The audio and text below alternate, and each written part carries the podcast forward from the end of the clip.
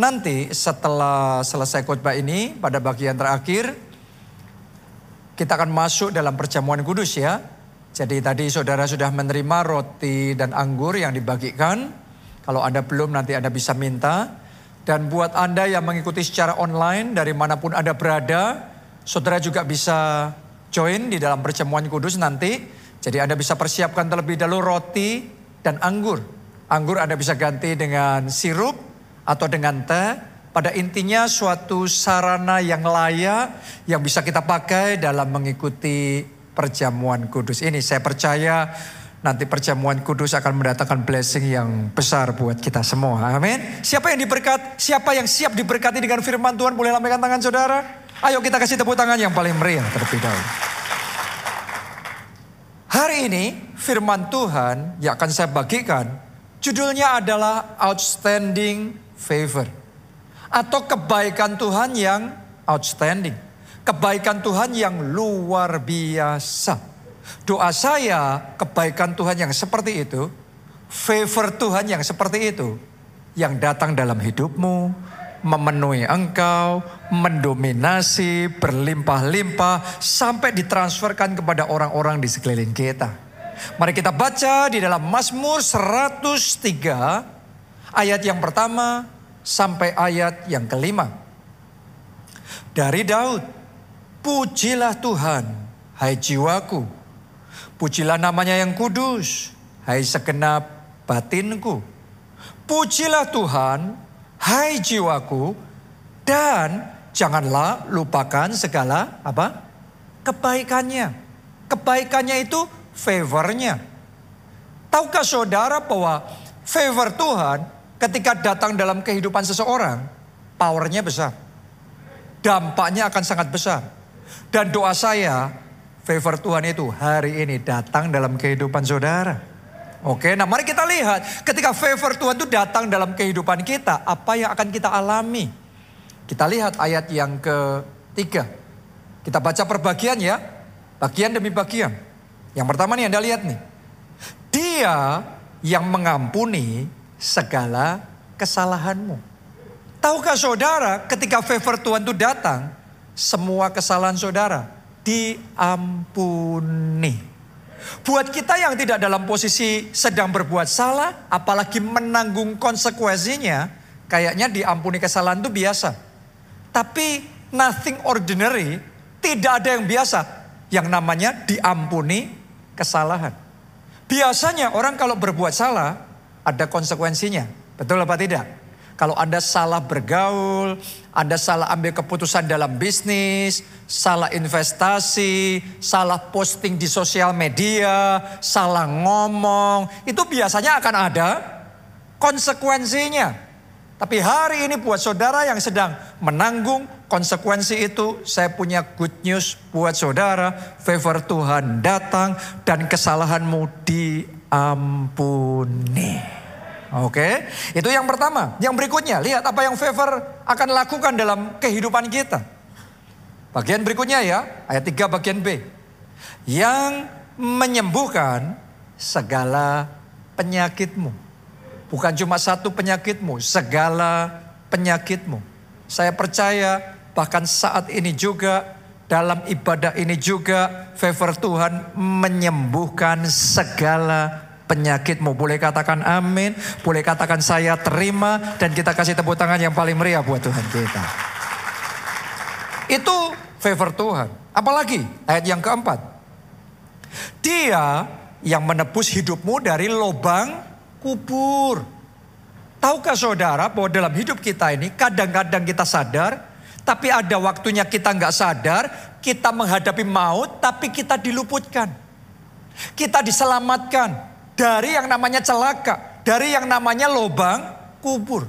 Dalam hidup saya, saya pernah ngomong sama saudara, ada dua kali kejadian yang hampir sama, terulang dua kali. Ya, di mana saya mengalami kecelakaan lalu lintas yang itu bukan kecelakaan biasa, bukan cuma serempetan. Tapi itu kecelakaan yang benar-benar bisa mendatangkan maut. Harusnya secara manusia itu bisa masuk lubang kubur.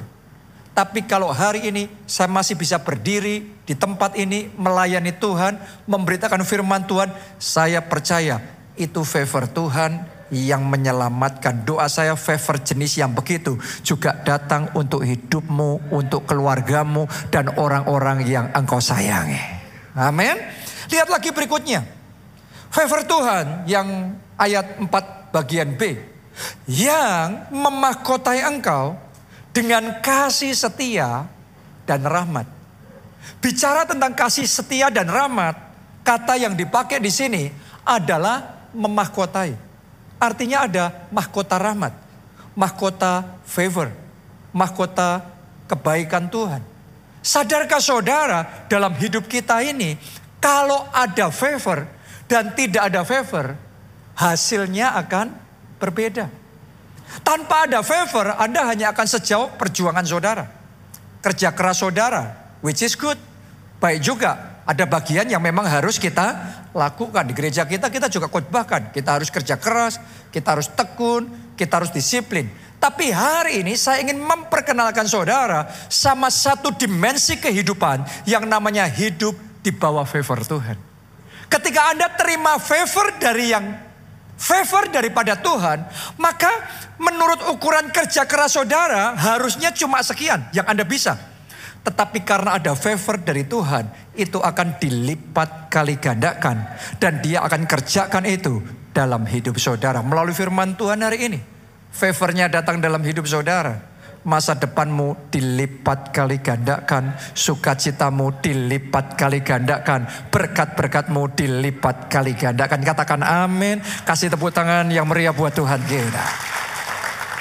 Ayat yang kelima, dia yang memuaskan hasratmu dengan kebaikan. Balik lagi favor nih, kebaikan Tuhan. Sehingga masa mudamu menjadi baru seperti pada burung Raja Wali. Apa artinya? Masa mudamu menjadi baru seperti pada burung Raja Wali. Saudara mungkin pernah mendengar bahwa umur Raja Wali ketika mencapai 40 tahun, maka dia itu sudah kayak suntuk. Paruhnya sudah bengkok, terus kemudian bulu-bulunya sudah uh, berat sekali untuk dia terbang, kukunya juga sudah tumpul. Dan kalau dia nggak ngalami transformasi, dia mati. Di umur 40 tahun. Tapi kalau dia mengalami transformasi, maka paruhnya akan tanggal, terus kemudian muncul paruh yang baru. Dia punya kuku yang baru, yang tajam, dan sayapnya juga jadi sayap yang baru. Dia kembali akan mengepakkan sayapnya, terbang tinggi dengan gagahnya, dan umurnya nggak berhenti sampai 40 tahun. Diperpanjang 70 tahun. Coba saudaraku, hampir double. Makanya kita ngomong masa mudamu menjadi baru seperti pada burung Raja Wali. Saya mau ngomong sama saudara yang secara usia menurut ukuran manusia mulai mengalami penurunan. Atau secara prestasi, secara pekerjaan Anda mulai mengalami penurunan. Hari ini Berita baik saya mau bagikan kepada saudara semua. Ada favor dari Tuhan yang akan membaharui kehidupan saudara. Yang akan menyegarkan, memulihkan. Sehingga Anda bisa seperti Raja Wali yang kembali terbang tinggi untuk melakukan perkara besar bersama dengan Tuhan. Itu yang namanya favor. Itu yang bisa dilakukan oleh favor ketika datang di dalam kehidupan kita. Berapa banyak mau favor Tuhan itu datang di dalam kehidupan saudara. Kemarin malam saudaraku, ketika saya mempersiapkan khotbah ini, saya doa semalaman, itu saya ngalami kepenuhan roh kudus. Dan ketika saya ngalami kepenuhan roh kudus, Tuhan itu kasih, Tuhan itu kasih satu rema di hati saya, langsung saya catat di handphone saya. Dan hari ini saya mau perkatakan itu rema itu, deklarasi profetik itu dalam hidup saudara, doa saya Anda bisa tangkap, Anda bisa percayai dan Anda bisa alami itu dalam kehidupanmu. Are you ready? Ya, dalam nama Tuhan Yesus.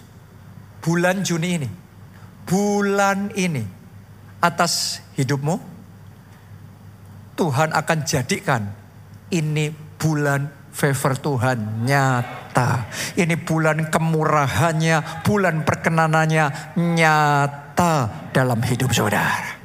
Akan ada banyak orang di tempat ini, bulan ini akan terjadi kejadian-kejadian yang aneh, yang tidak masuk akal, tapi itu indah, itu menakjubkan dan mengherankan. Ketika itu terjadi, engkau akan tahu itu pasti bukan pekerjaan manusia, pasti Tuhan yang mengerjakannya, karena ini momennya favor Tuhan dinyatakan dalam hidup saudara.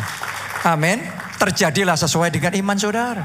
Jadi Anda tandai bulan Juni saya ngomong bulan Juni ini, bulannya favor Tuhan datang dalam hidup saudara. Nah, favor Tuhan ini juga dialami oleh anak bungsu yang terhilang. Dalam kisah yang diceritakan oleh Tuhan Yesus. Anda mungkin juga sudah familiar. Ya, anak ini anak durhaka. Belum waktunya dia sudah minta warisan dari bapaknya, Bapaknya ya sudah akhirnya ngalah untuk merangkul dan mendekati anak ini dikasih yang dia mau dengan harapan supaya sadar, dengan harapan supaya balik dekat sama keluarga. Tapi ternyata sebaliknya, malah tambah gila, dia tinggalkan keluarga, dia tinggalkan bapaknya, dia hidup hura-hura, hidup dalam dosa, hidup ngaco luar biasa, akhirnya hancur. Akhirnya habis semuanya. Akhirnya menderita, akhirnya terlunta-lunta. Dan singkat cerita di titik paling rendah dalam kehidupannya. Dia berpikir balik sama bapaknya. Saya mau tanya sama saudara. Untuk anak yang durhaka seperti ini harusnya diterima atau ditolak? Harusnya perlakuan seperti apa yang pantas untuk dia dapatkan? Nah saya ingin ajak saudara untuk melihat ya apa yang Bapak ini lakukan ketika anak bungsu yang terhilang ini kembali kepadanya. Nanti Anda akan melihat satu picture, satu gambaran tentang yang namanya favor Tuhan ketika tercurah apa yang akan kita alami di dalam kehidupan kita. Oke? Baca Lukas 15. Kita mulai ayat yang ke-20. Maka bangkitlah ia dan pergi kepada bapaknya Ketika ia masih jauh, ayahnya telah melihatnya. Lalu tergeraklah hatinya oleh belas kasihan. Hari ini hati Tuhan juga tergerak oleh belas kasihan untuk hidup saudara. Karena itu yang menentukan. Hati Tuhan dulu. Kalau hatinya tergeraknya belas kasihan, yang muncul favor. Benar apa tidak? Kalau nggak tergerak oleh belas kasihan, nggak terketok hatinya ya, nggak bergeming. Saya punya berita baik, hati Tuhan tergerak oleh belas kasihan buat saudara. Lihat ini, bulan ini, sesuatu yang ajaib akan terjadi dalam kehidupan. Oke, lihat lagi. Ayahnya itu berlari mendapatkan dia, lalu merangkul dan mencium dia. Siapa yang dicium dirangkul? Anak durhaka. Yang sudah menghabiskan separuh harta keluarga. Yang sudah membawa aib buat keluarga. Merusak nama baik keluarga. Ternyata waktu balik bukan dikuliahin, bukan diinterogasi, bukan dimaki-maki, bukan dihukum, tapi Alkitab mencatat ayahnya berlari mendapatkan dia, memeluk dia, mencium dia. Artinya dia diampuni. Mungkin kalau kita mau jujur mengakui keadaan kita sama Tuhan, kita durhaka. Kita sering kali buat dosa lagi. Kita sering kali mendukakan hati Tuhan lagi. Mungkin itu yang Anda rasakan dalam hati saudara sehingga ketika Anda ibadah pun kayak jauh gitu sama Tuhan. Anda mau doa pun kayak saudara merasa apa? Dengan keadaan saya, dengan banyaknya kesalahan saya seperti ini, Tuhan masih mau dengar doa saya. Tapi hari ini sekali lagi saya mau ngomong sama saudara, tergeraklah hati Tuhan oleh belas kasihan dan hari ini seperti dia memeluk anak bungsu itu. Demikian juga dia mau menerima kembali saudara. Dia mau mengampuni kesalahan saudara. Dosa-dosamu diampuni.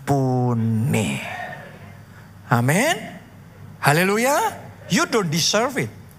Engkau nggak layak itu menerima. Tapi anyway, Tuhan tetap kasih itu buat saudara. Itu favor. Buat sebagian orang itu kayak kayak nggak terbiasa dengan konsep ini. Sebagian orang berpikirnya ya kita fair aja, kita kita ya menerima apa yang kita pantas. Tapi no, di dalam Tuhan kasihnya terlebih besar daripada kepantasan yang kita bisa terima. Hari ini Anda akan menikmati favor yang belum pernah engkau cicipi, engkau rasakan sebelumnya. Itu akan Anda alami dalam hidup saudara. Karena dalam momen anak bungsu ini, momen itu dia ngerasain benar. Ternyata Tuhan sayang banget. Ternyata seperti ini rasanya diampuni. Seperti ini rasanya nggak layak. Tapi diterima dan dipulihkan hidupnya. Terjadilah itu dalam hidup saudara. Mari kita lihat ayat yang ke-21. Kata anak itu kepadanya, Bapa, aku telah berdosa terhadap surga dan terhadap Bapa, aku tidak layak lagi disebutkan anak Bapa. Tetapi ayah itu berkata kepada hamba-hambanya, lekaslah bawa kemari jubah yang terbaik. Jubah yang apa? Terbaik. Diberikan bukan anak yang terbaik, tapi dipakaikan kepada anak durhaka. Pantas enggak sih? Secara manusia enggak pantas. Harusnya ngerasain aja dia. Sudah durhaka, anak enggak karu-karuan. Tapi ternyata bapaknya itu ngomong sama pegawai-pegawainya, lekas bawa kemari. Jubah yang terbaik. Siap-siap saudaraku ya, bulan Juni ini Anda akan dikenakan berkat yang terbaik, pengampunan yang terbaik, promosi yang terbaik, akan ada pemulihan keluarga yang terbaik. Tuhan akan kerjakan yang sebenarnya kita nggak deserve. Anak bungsu itu sendiri dia ngomong aku tidak layak kita tahu diri lah. Dengarkan baik-baik saudaraku, satu kata yang Tuhan taruh di hati saya tentang bulan Juni ini. Mujizat yang kita tidak layak terima itu yang Tuhan mau buat karena dia mengasihi kita dan karena dia mau mencurahkan favornya dalam hidup kita. Kalau Anda pikirkan, mungkin sudah dengar saya ngomong gitu, apa bisa ya, apa saya juga akan ngalami ya. Kalau saudara jadi anak bungsu yang terhilang itu, apa sih yang dia lakukan? Itu semua bukan karena anak itu ngelakuin yang baik begini, begitu. No, it's pure favor. Itu murni inisiatif dari bapaknya, lihat anaknya kayak gitu, tergerak hatinya belas kasihan dan dia mengampuni, menerima kembali anaknya dan dia ngomong berikan jubah yang terbaik. Hari ini favor yang kayak gitu.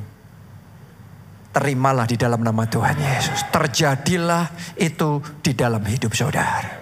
Lanjutkan lagi. Ditulis begini. Pakaikanlah itu kepadanya dan kenakanlah cincin pada jarinya dan sepatu pada kakinya. Padahal anak ini sudah habis-habisan. Semua harta sudah jual, cincin, mungkin sepatu juga. Tapi yang sudah habis sekarang dipulihkan. Kehormatannya dipulihkan karena dia terima favor. Bulan ini akan ada orang-orang di tempat ini. Nama baikmu akan dipulihkan masa depanmu akan dipulihkan. Kesehatanmu akan dipulihkan. Karena ini bulan favor Tuhan dinyatakan di dalam kehidupan saudara. Anda harus sadar bahwa ketika favor Tuhan datang dalam kehidupan kita, perbedaannya besar. Kenapa saya ngomong begitu? Anda renungkan kisah tadi ya, anak bungsu yang terhilang. Menurut saudara, kalau anak bungsu itu tidak dapat favor dari bapaknya, nasibnya sama apa beda? Beda. Kalau waktu dia balik bapaknya nggak tergerak oleh belas kasihan. Terus bapaknya maki-maki dia kamu memang anak durhaka pergi sana. Saya yakin anak bungsu itu akan jadi gelandangan di jalan, hidupnya menderita, susah. Tapi karena hati bapaknya tergerak oleh belas kasihan. Karena bapaknya yang ngasih favor, maka semua kehormatannya dipulihkan.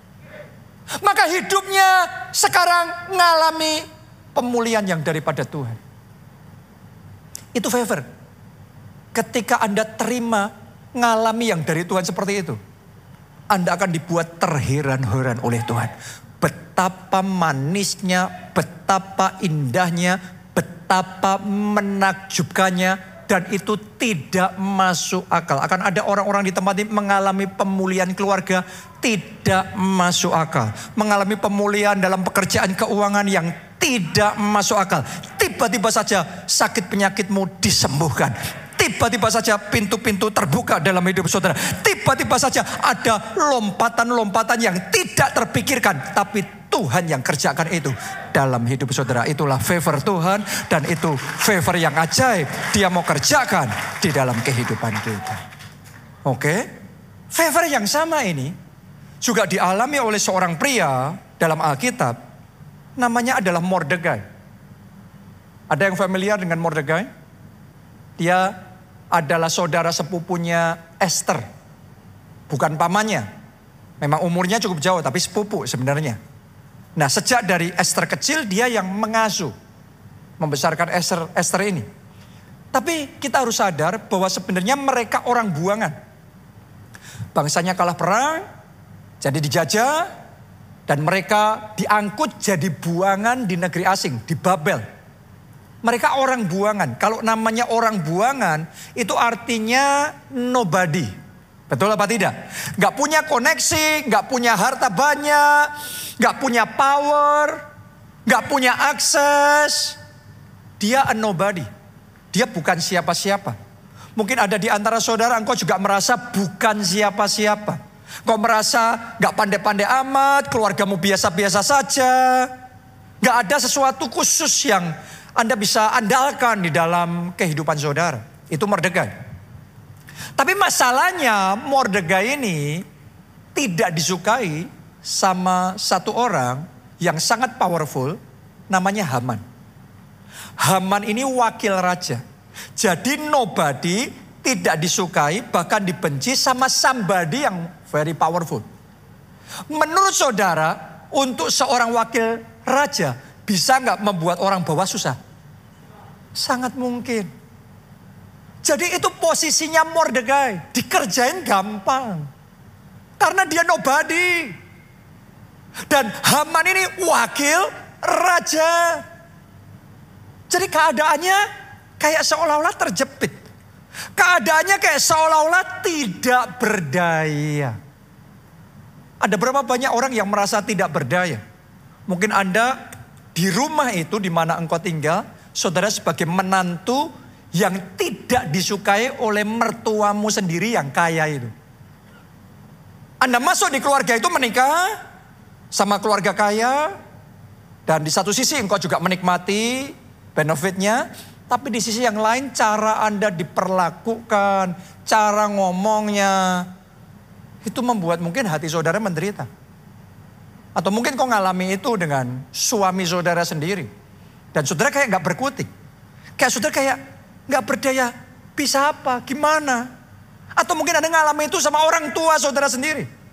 Jadi tidak disukai oleh orang yang lebih powerful. Atau mungkin saudara kerja di sebuah perusahaan dan kemudian Anda punya atasan bos yang nggak suka sama saudara. Padahal penilaianmu tergantung dia.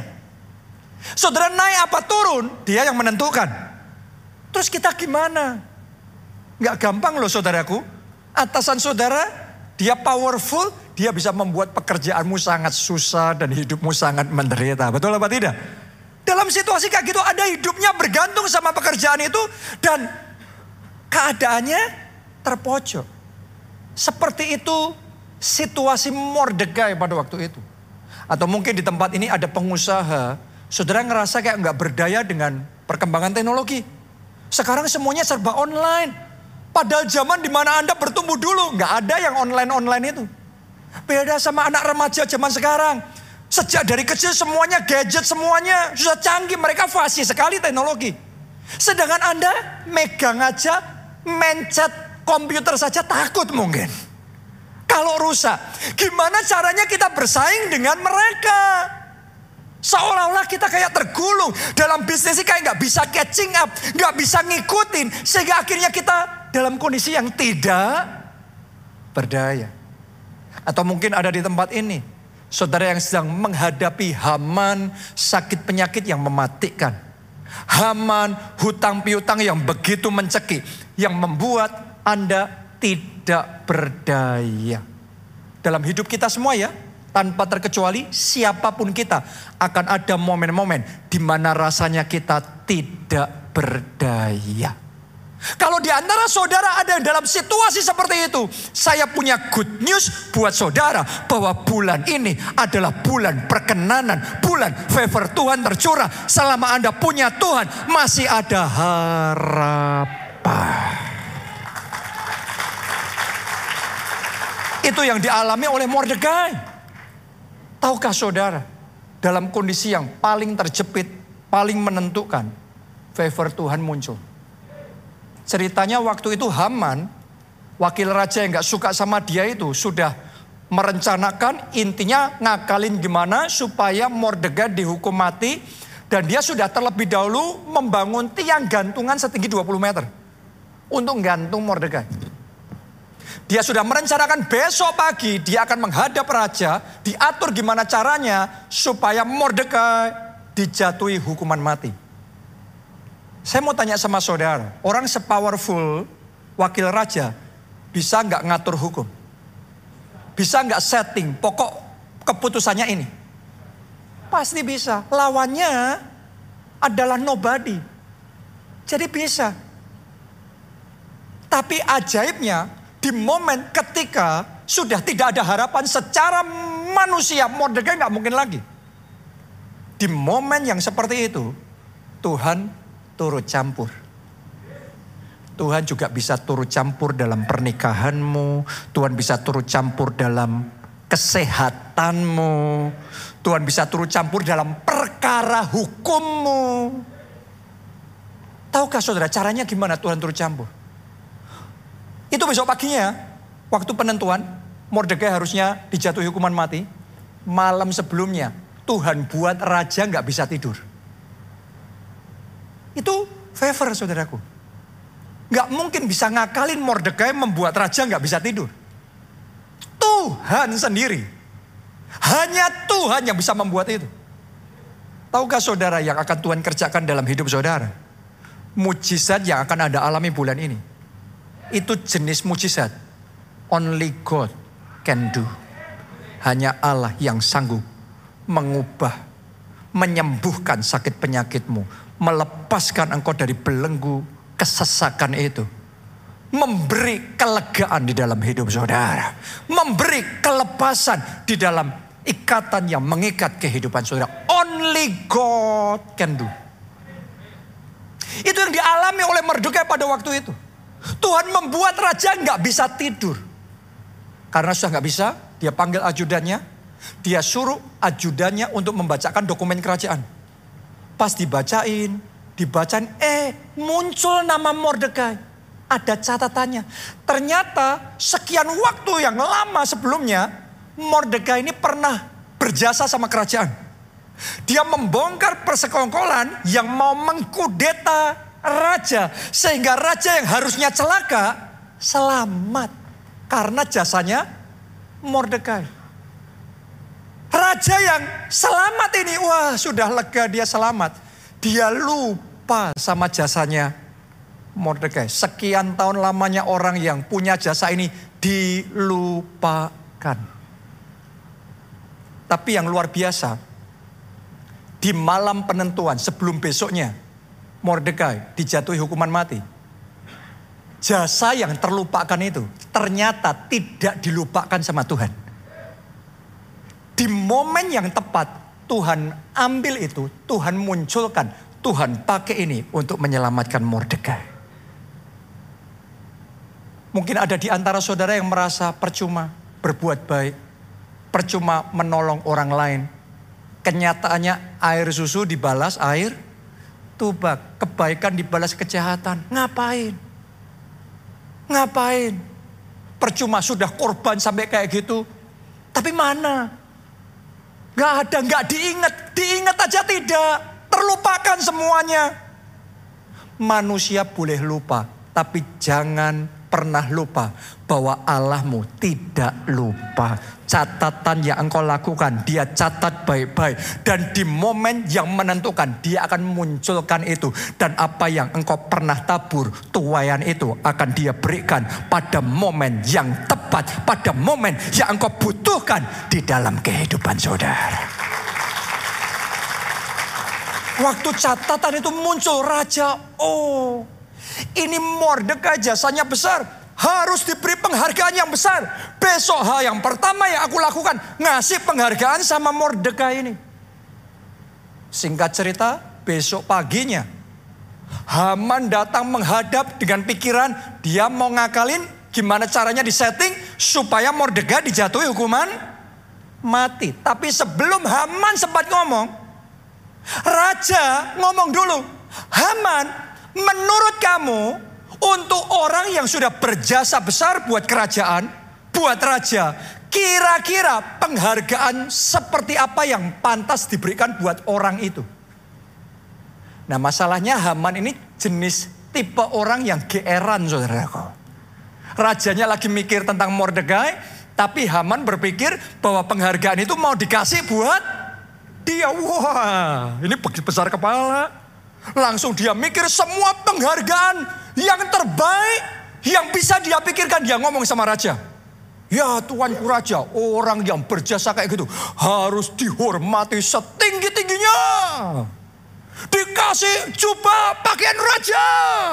Dikasih kereta raja, kuda raja. Terus diarak keliling kota. Dan dihormati dengan tinggi setinggi-tingginya.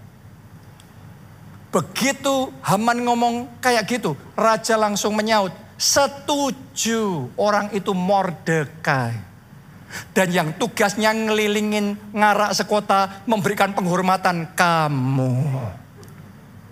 Coba anda renungkan itu. Itu real story.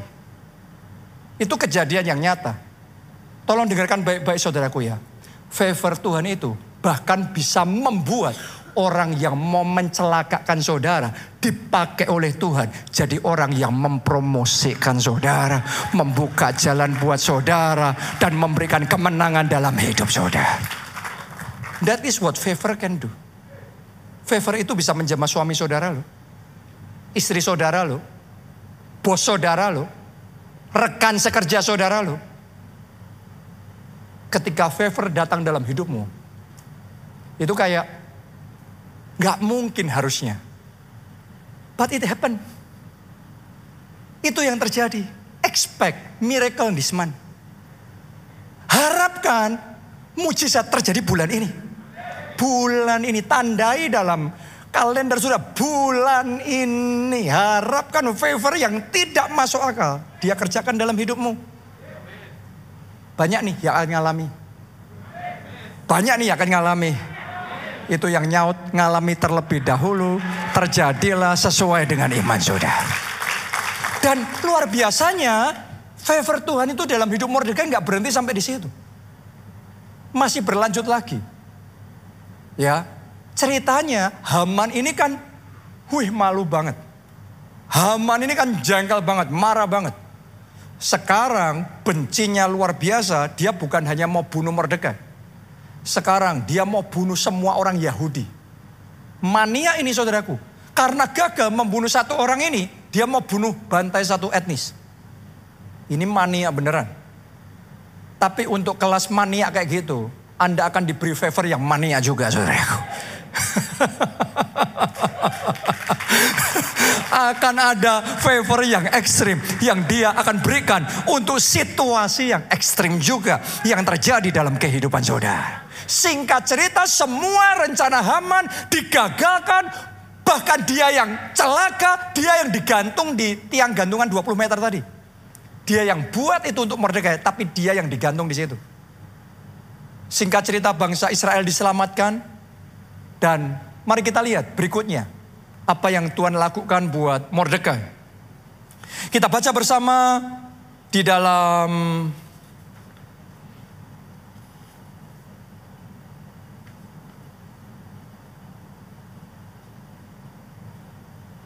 Nah ini catatan saya hilang nih. Oke, ini dia. Esther 8 ayat 1 sampai 2. Pada hari itu juga Raja Ahasiweros mengaruniakan harta milik Haman seteru orang Yahudi kepada Esther, sang ratu. Dan Mordekai masuk menghadap raja karena Esther telah memberitahukan apa pertalian Mordekai dengan dia. Perhatikan ayat yang kedua. Maka raja mencabut cincin meterai yang diambil daripada Haman lalu diserahkannya kepada Mordekai. Cincin meterai itu beda sama cincin perhiasan.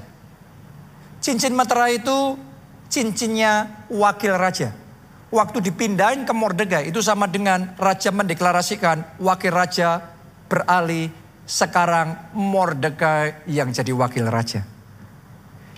Coba Anda renungkan, hanya favor yang bisa melakukan itu. Kalau Mordegai pakai jurusnya manajemen, jurusnya marketing, apa yang bisa dilakukan untuk naik ladder? Gimana nobody langsung jadi wakil raja? Dalam hidup kita saudaraku ya, kerja keras kita itu membantu tapi ada yang lebih dari itu. Favor Tuhan. Favor Tuhan. Favor Tuhan. Saya berdoa mulai hari ini engkau mencicipi dimensi baru dalam hidupmu yang belum pernah engkau alami sebelumnya. Anda ikut Tuhan tuh sangat spesial. Orang rugi ikut Tuhan semuanya tergantung sama diri sendiri. Tapi Anda ikut Tuhan semua yang orang dunia lakukan kita juga bisa lakukan. Kita juga bisa kerja keras. Tapi kelebihannya kita punya Tuhan dan tersedia favor Tuhan yang luar biasa, outstanding favor di dalam kehidupan kita. Lanjutkan. Dan Mordekai diangkat oleh Esther menjadi kuasa atas harta milik Haman. Jadi hartanya Haman dikasih oleh raja kepada Esther. Esther pilih Mordekai jadi kuasanya. Artinya gini, semua villa-villanya Haman di bawah kuasanya Mordekai.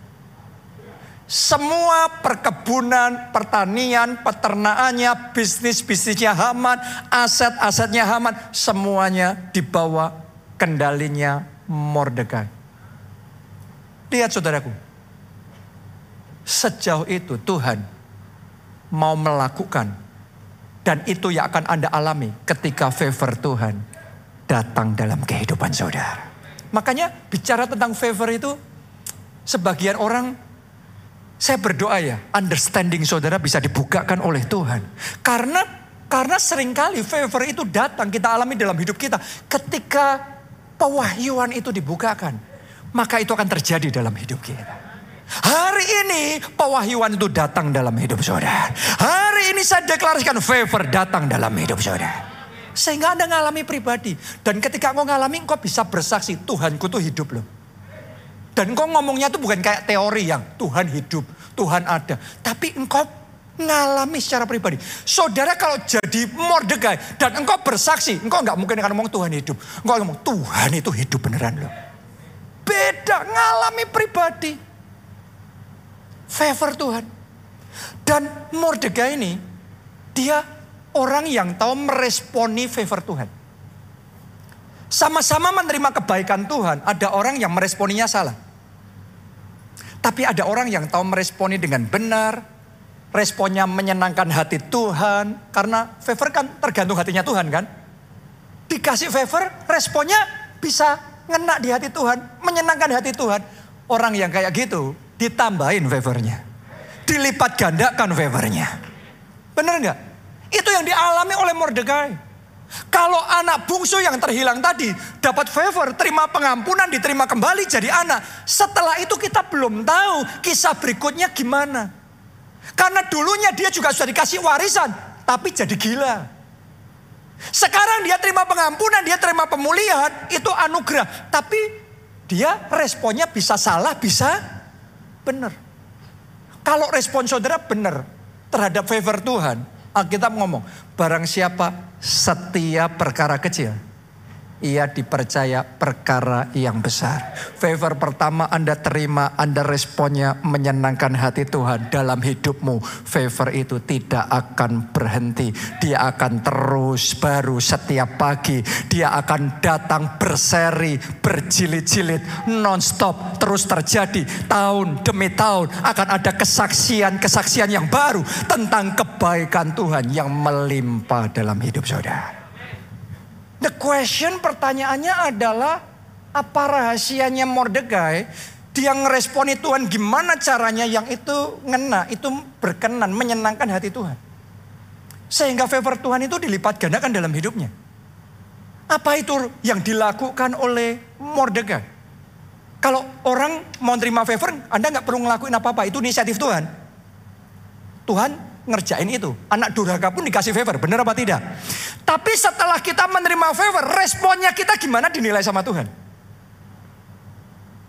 Nah Mordegai ini, dia punya satu karakter yang sangat menyenangkan hati Tuhan.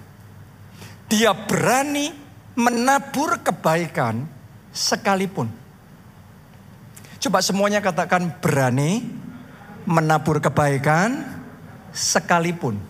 Maksudnya gimana? Tadi saudara masih ingat ya, Mordegai ini berani ambil resiko untuk menyelamatkan raja dari rencana kudeta. Anda coba renungkan sebentar. Orang-orang yang terlibat rencana kudeta menurut Anda orang biasa atau orang berkuasa? Berkuasa loh. Jadi untuk menyelamatkan raja sebenarnya resikonya buat Mordegai bermusuhan dengan orang-orang yang berkuasa. Dan dengan semua resiko itu, dia lakukan, dia selamatkan raja, jasanya tidak diingat selama sekian waktu. Hebatnya, Mordekai nggak protes, dia tetap melakukan kebaikan sekalipun. Dalam hidup kita kadang-kadang dites ya, anda melakukan yang benar tapi nggak dapat apa-apa. Anda melakukan yang baik, menabur kebaikan tapi nggak ada tuayan, nggak dianggap seolah-olah sia-sia. Hari ini saya ajak saudara berani menabur kebaikan sekalipun. Kenapa? Galatia 6 ayat 9. Janganlah kita jemu-jemu berbuat baik. Jangan jemu-jemu nabur kebaikan, jadi berkat buat orang lain. Karena apabila sudah datang waktunya, mungkin bukan waktumu, tapi Tuhan tahu waktu the bestnya. Kalau Mordekai begitu nabur kebaikan langsung dapat jasa, malam itu dia lagi butuh, sudah selesai jasanya, dapat penghargaan, dia nggak bisa ditolong. Seringkali kita nggak sadar Tuhan itu safe, Tuhan itu simpan tuayan kita di momen yang paling kita butuhkan di dalam kehidupan kita. Jadi hari ini jangan firman Tuhan ngomong jangan apa? Jemu-jemu berbuat baik karena apabila sudah datang waktunya kita akan menuai jika kita tidak menjadi lemah. Oh, Anda akan menuai. Saudara akan menuai bulan ini bulan tuayan favor Tuhan datang di dalam kehidupan saudara. Ayo buat Tuhan kita kita kasih tepuk tangan yang paling meriah. Amin, haleluya. Jadi favor Tuhan ini sangat menentukan di dalam kehidupan kita.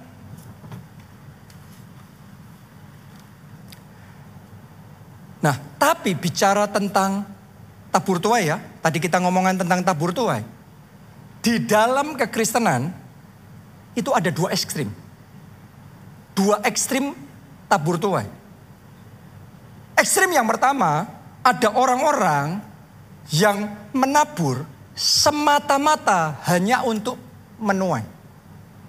Jadi memberi benar-benar pure hanya untuk mendapat.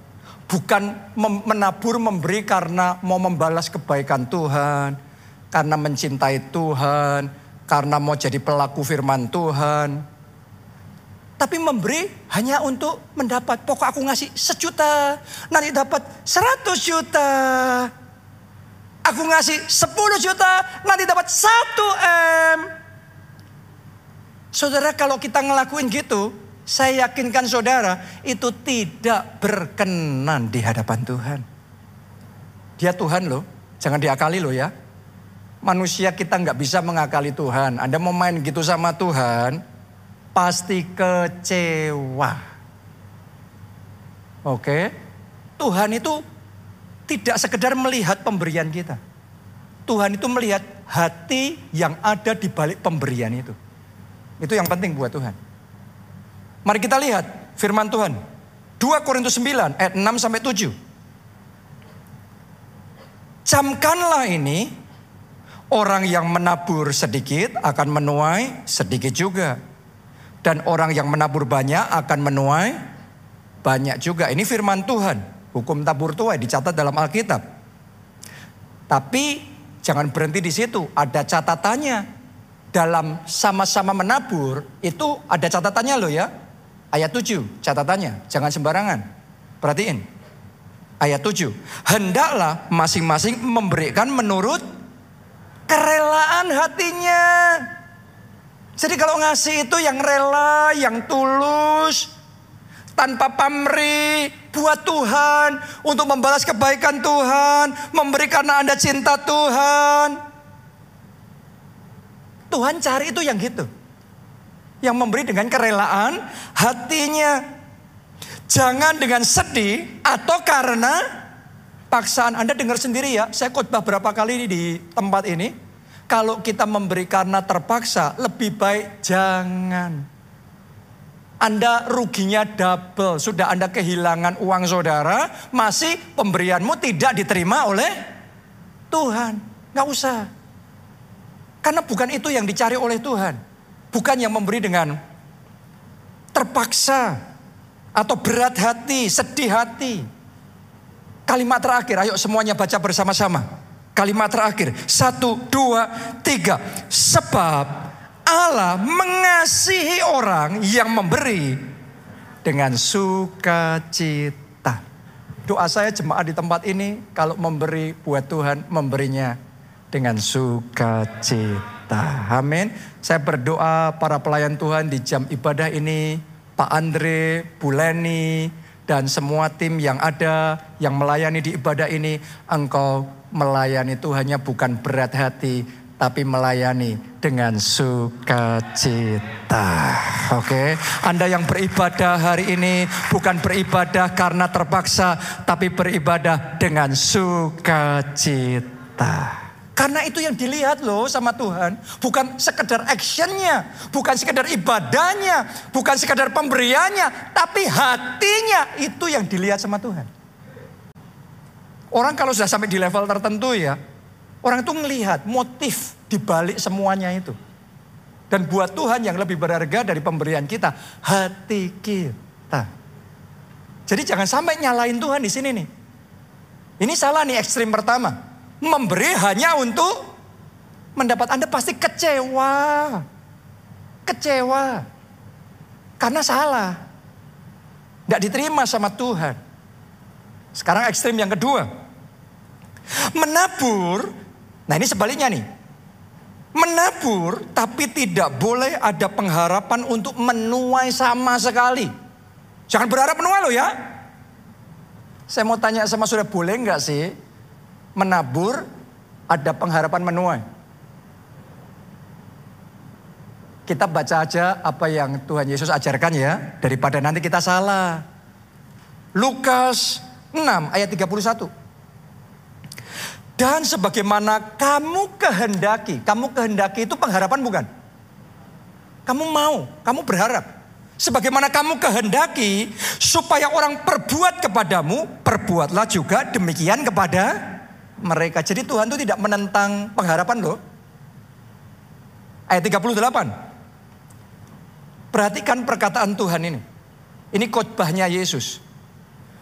Berilah dan jangan berharap apa-apa. Alkitabnya beda ya. Apa?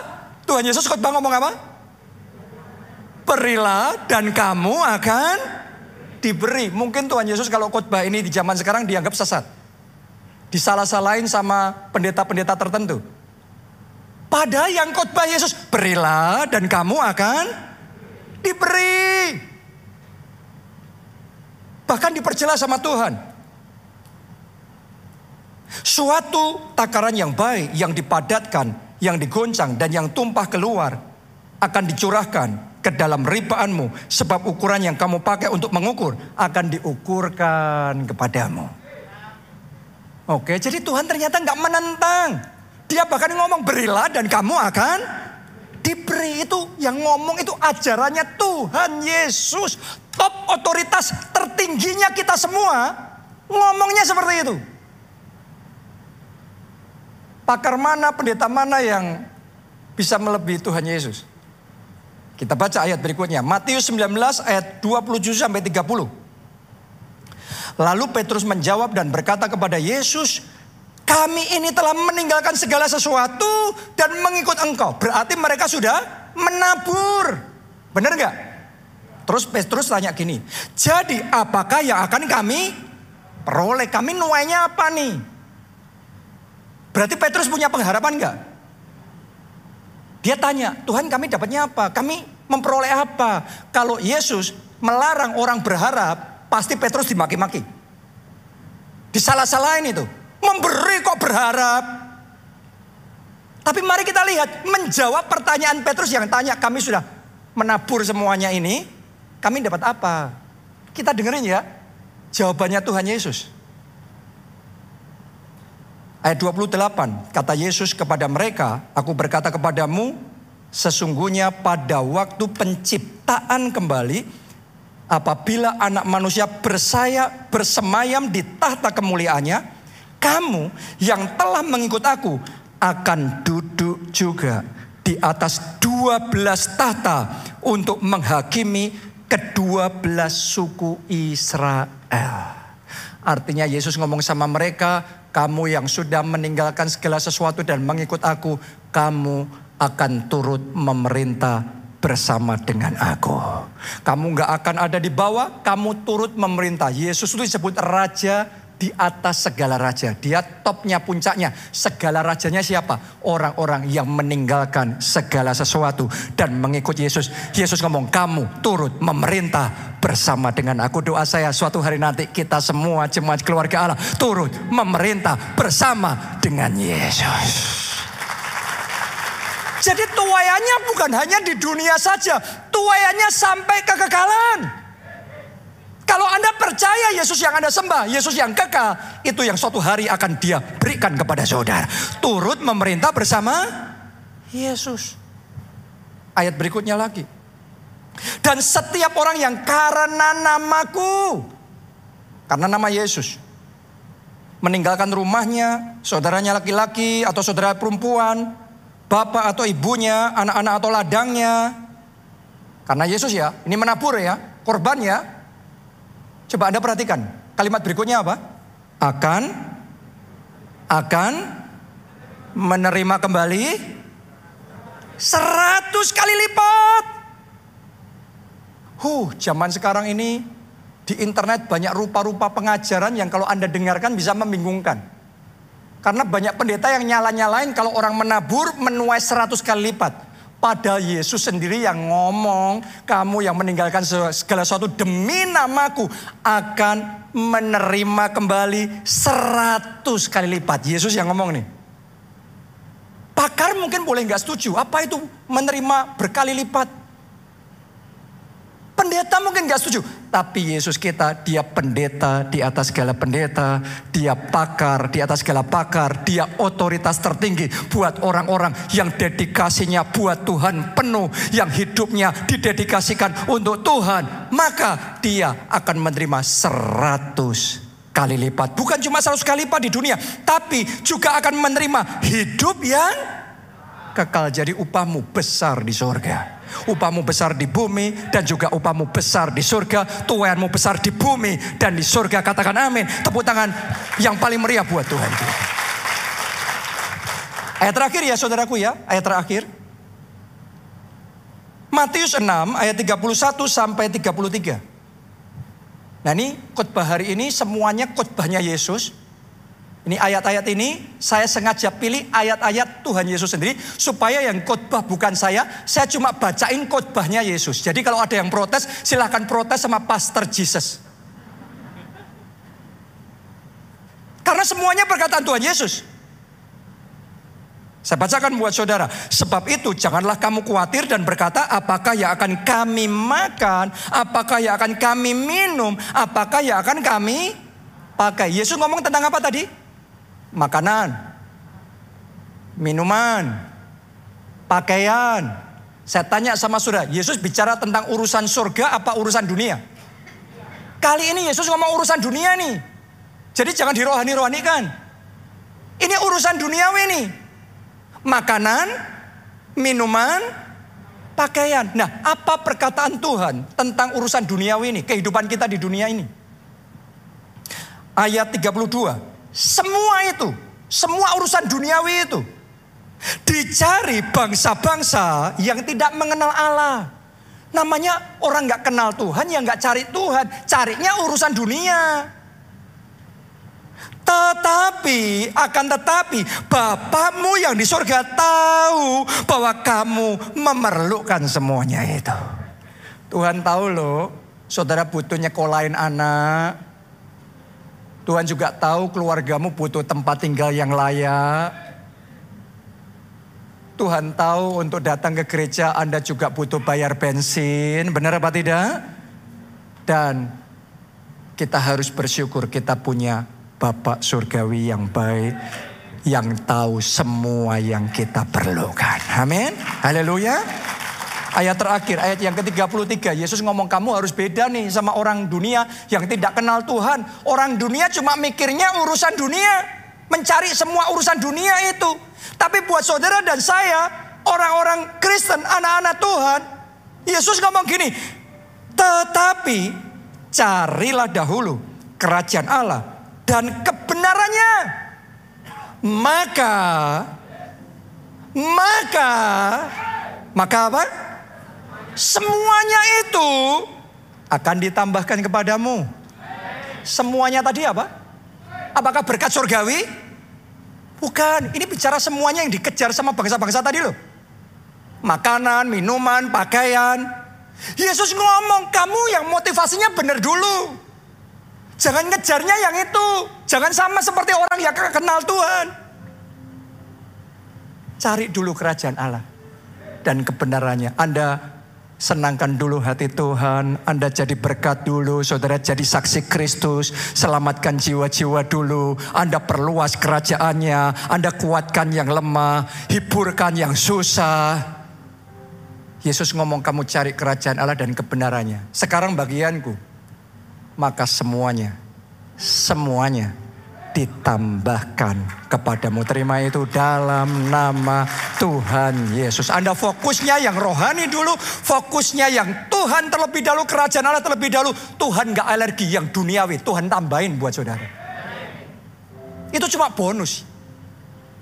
Jadi fokus hati kita itu bukan sekedar saya kaya, mobil saya mewah, rumah saya paling mentereng. Kebanggaan sia-sia yang akan kita tinggalin. Tapi kalau Anda diberkati dengan semuanya itu, Anda pakai semuanya itu untuk hormat kemuliaan Tuhan, untuk melayani Tuhan, untuk menyelamatkan jiwa, untuk bersaksi, Tuhan akan tambahkan lebih dan lebih lagi. Siap terima favor yang dari Tuhan? Mari bangkit berdiri, ambil roti dan anggur untuk perjamuan kudus. Anda buka bersama-sama rotinya, juga saudara buka cawannya. Yang di rumah, dari mana pun Anda berada mengikuti ibadah online ini, saudara juga bisa mengikutinya ya. Mari. Kalau sudah, kita angkat roti itu di tangan kanan kita. Malam itu, dalam perjamuan terakhir Tuhan bersama dengan murid-muridnya, ia mengangkat roti, kemudian memecah-mecahkannya serta berkata, "Inilah tubuhku yang diserahkan bagi kamu sekalian. Perbuatlah ini setiap kali kamu mengingat aku. Tahukah saudara ketika Anda menerima persekutuan dengan tubuh Kristus ini? Sebenarnya Yesus mau ngomong sama kita. Kalau tubuhku pun aku hancurkan buat kamu. Semuanya aku juga mau lakukan bagi kamu. Anda menerima persekutuan dengan tubuh Kristus ini, Anda akan menerima favor yang dari Tuhan. Apakah Anda percaya? Mari kita terima bersama-sama dalam nama Tuhan Yesus.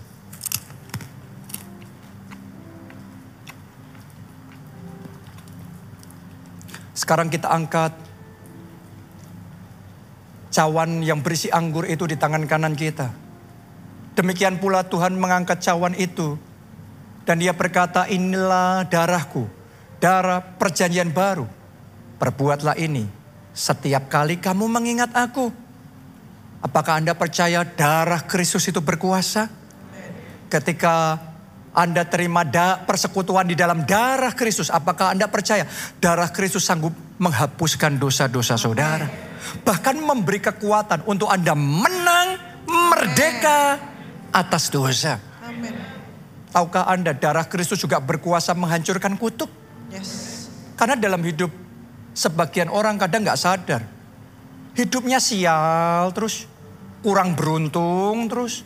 Salah langkah terus. Tapi Alkitab mengatakan. Kalau Anda berjalan bersama Tuhan. Dia akan membuat perjalananmu berhasil. Dan engkau akan beruntung ke mana pun engkau pergi. Jadi melalui darah Kristus semua kesialan, semua kutuk dipatahkan, digantikan keberhasilan dan keberuntungan. Bahkan darah Kristus juga berkuasa menyembuhkan sakit penyakit yang ada dalam tubuh saudara. Apakah Anda percaya? Mari kita terima bersama dalam nama Tuhan Yesus.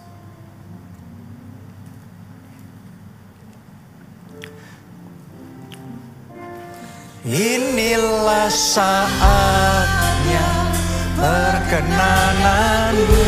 Kalau sudah, letakkan cawan itu. Mari kita angkat dua tangan kita. Nyanyikan bersama-sama. Kebaikanmu, kemurahanmu datang bagiku. Semuanya. Katakan Inilah saatnya perkenananmu. Lawat setiap kami umatmu. Kebaikanmu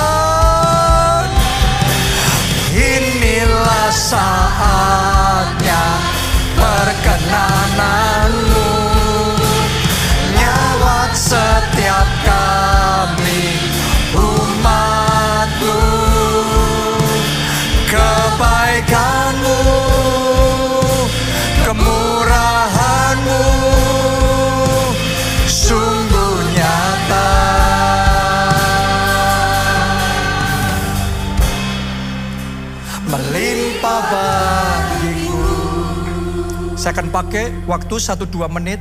Saya mau perkatakan, deklarasikan dan meteraikan firman Tuhan hari ini. Supaya sungguh-sungguh favor Tuhan itu Anda alami secara pribadi di dalam kehidupan saudara. Anda yang mau, Anda hanya cukup membuka hati.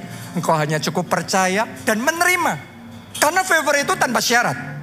Oke, seperti anak bungsu yang terhilang itu. Pokok bapaknya tergerak oleh belas kasihan dan bapaknya menunjukkan anugerah. Bapaknya menunjukkan favor. bulan ini favor Tuhan akan datang dalam hidup saudara. Angkat dua tangan saudara yang mau mengalami itu dalam nama Tuhan Yesus. Untuk hidupmu, hidupmu, hidupmu atas hidupmu bulan ini aku deklarasikan jadi bulan perkenanan Tuhan. Bulan favor Tuhan, bulan kebaikan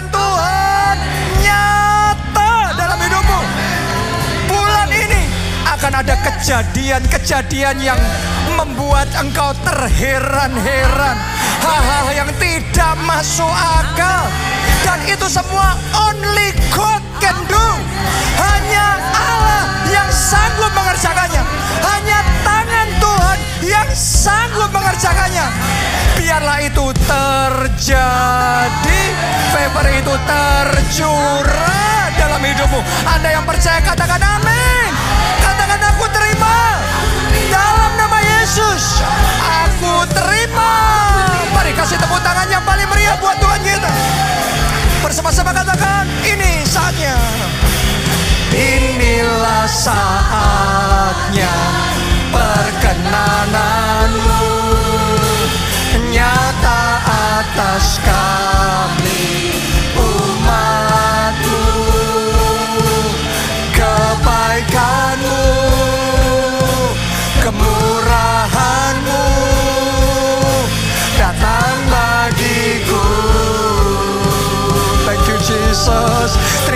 kasih Tuhan Inilah saatnya Perkenananmu. Lawat setiap kami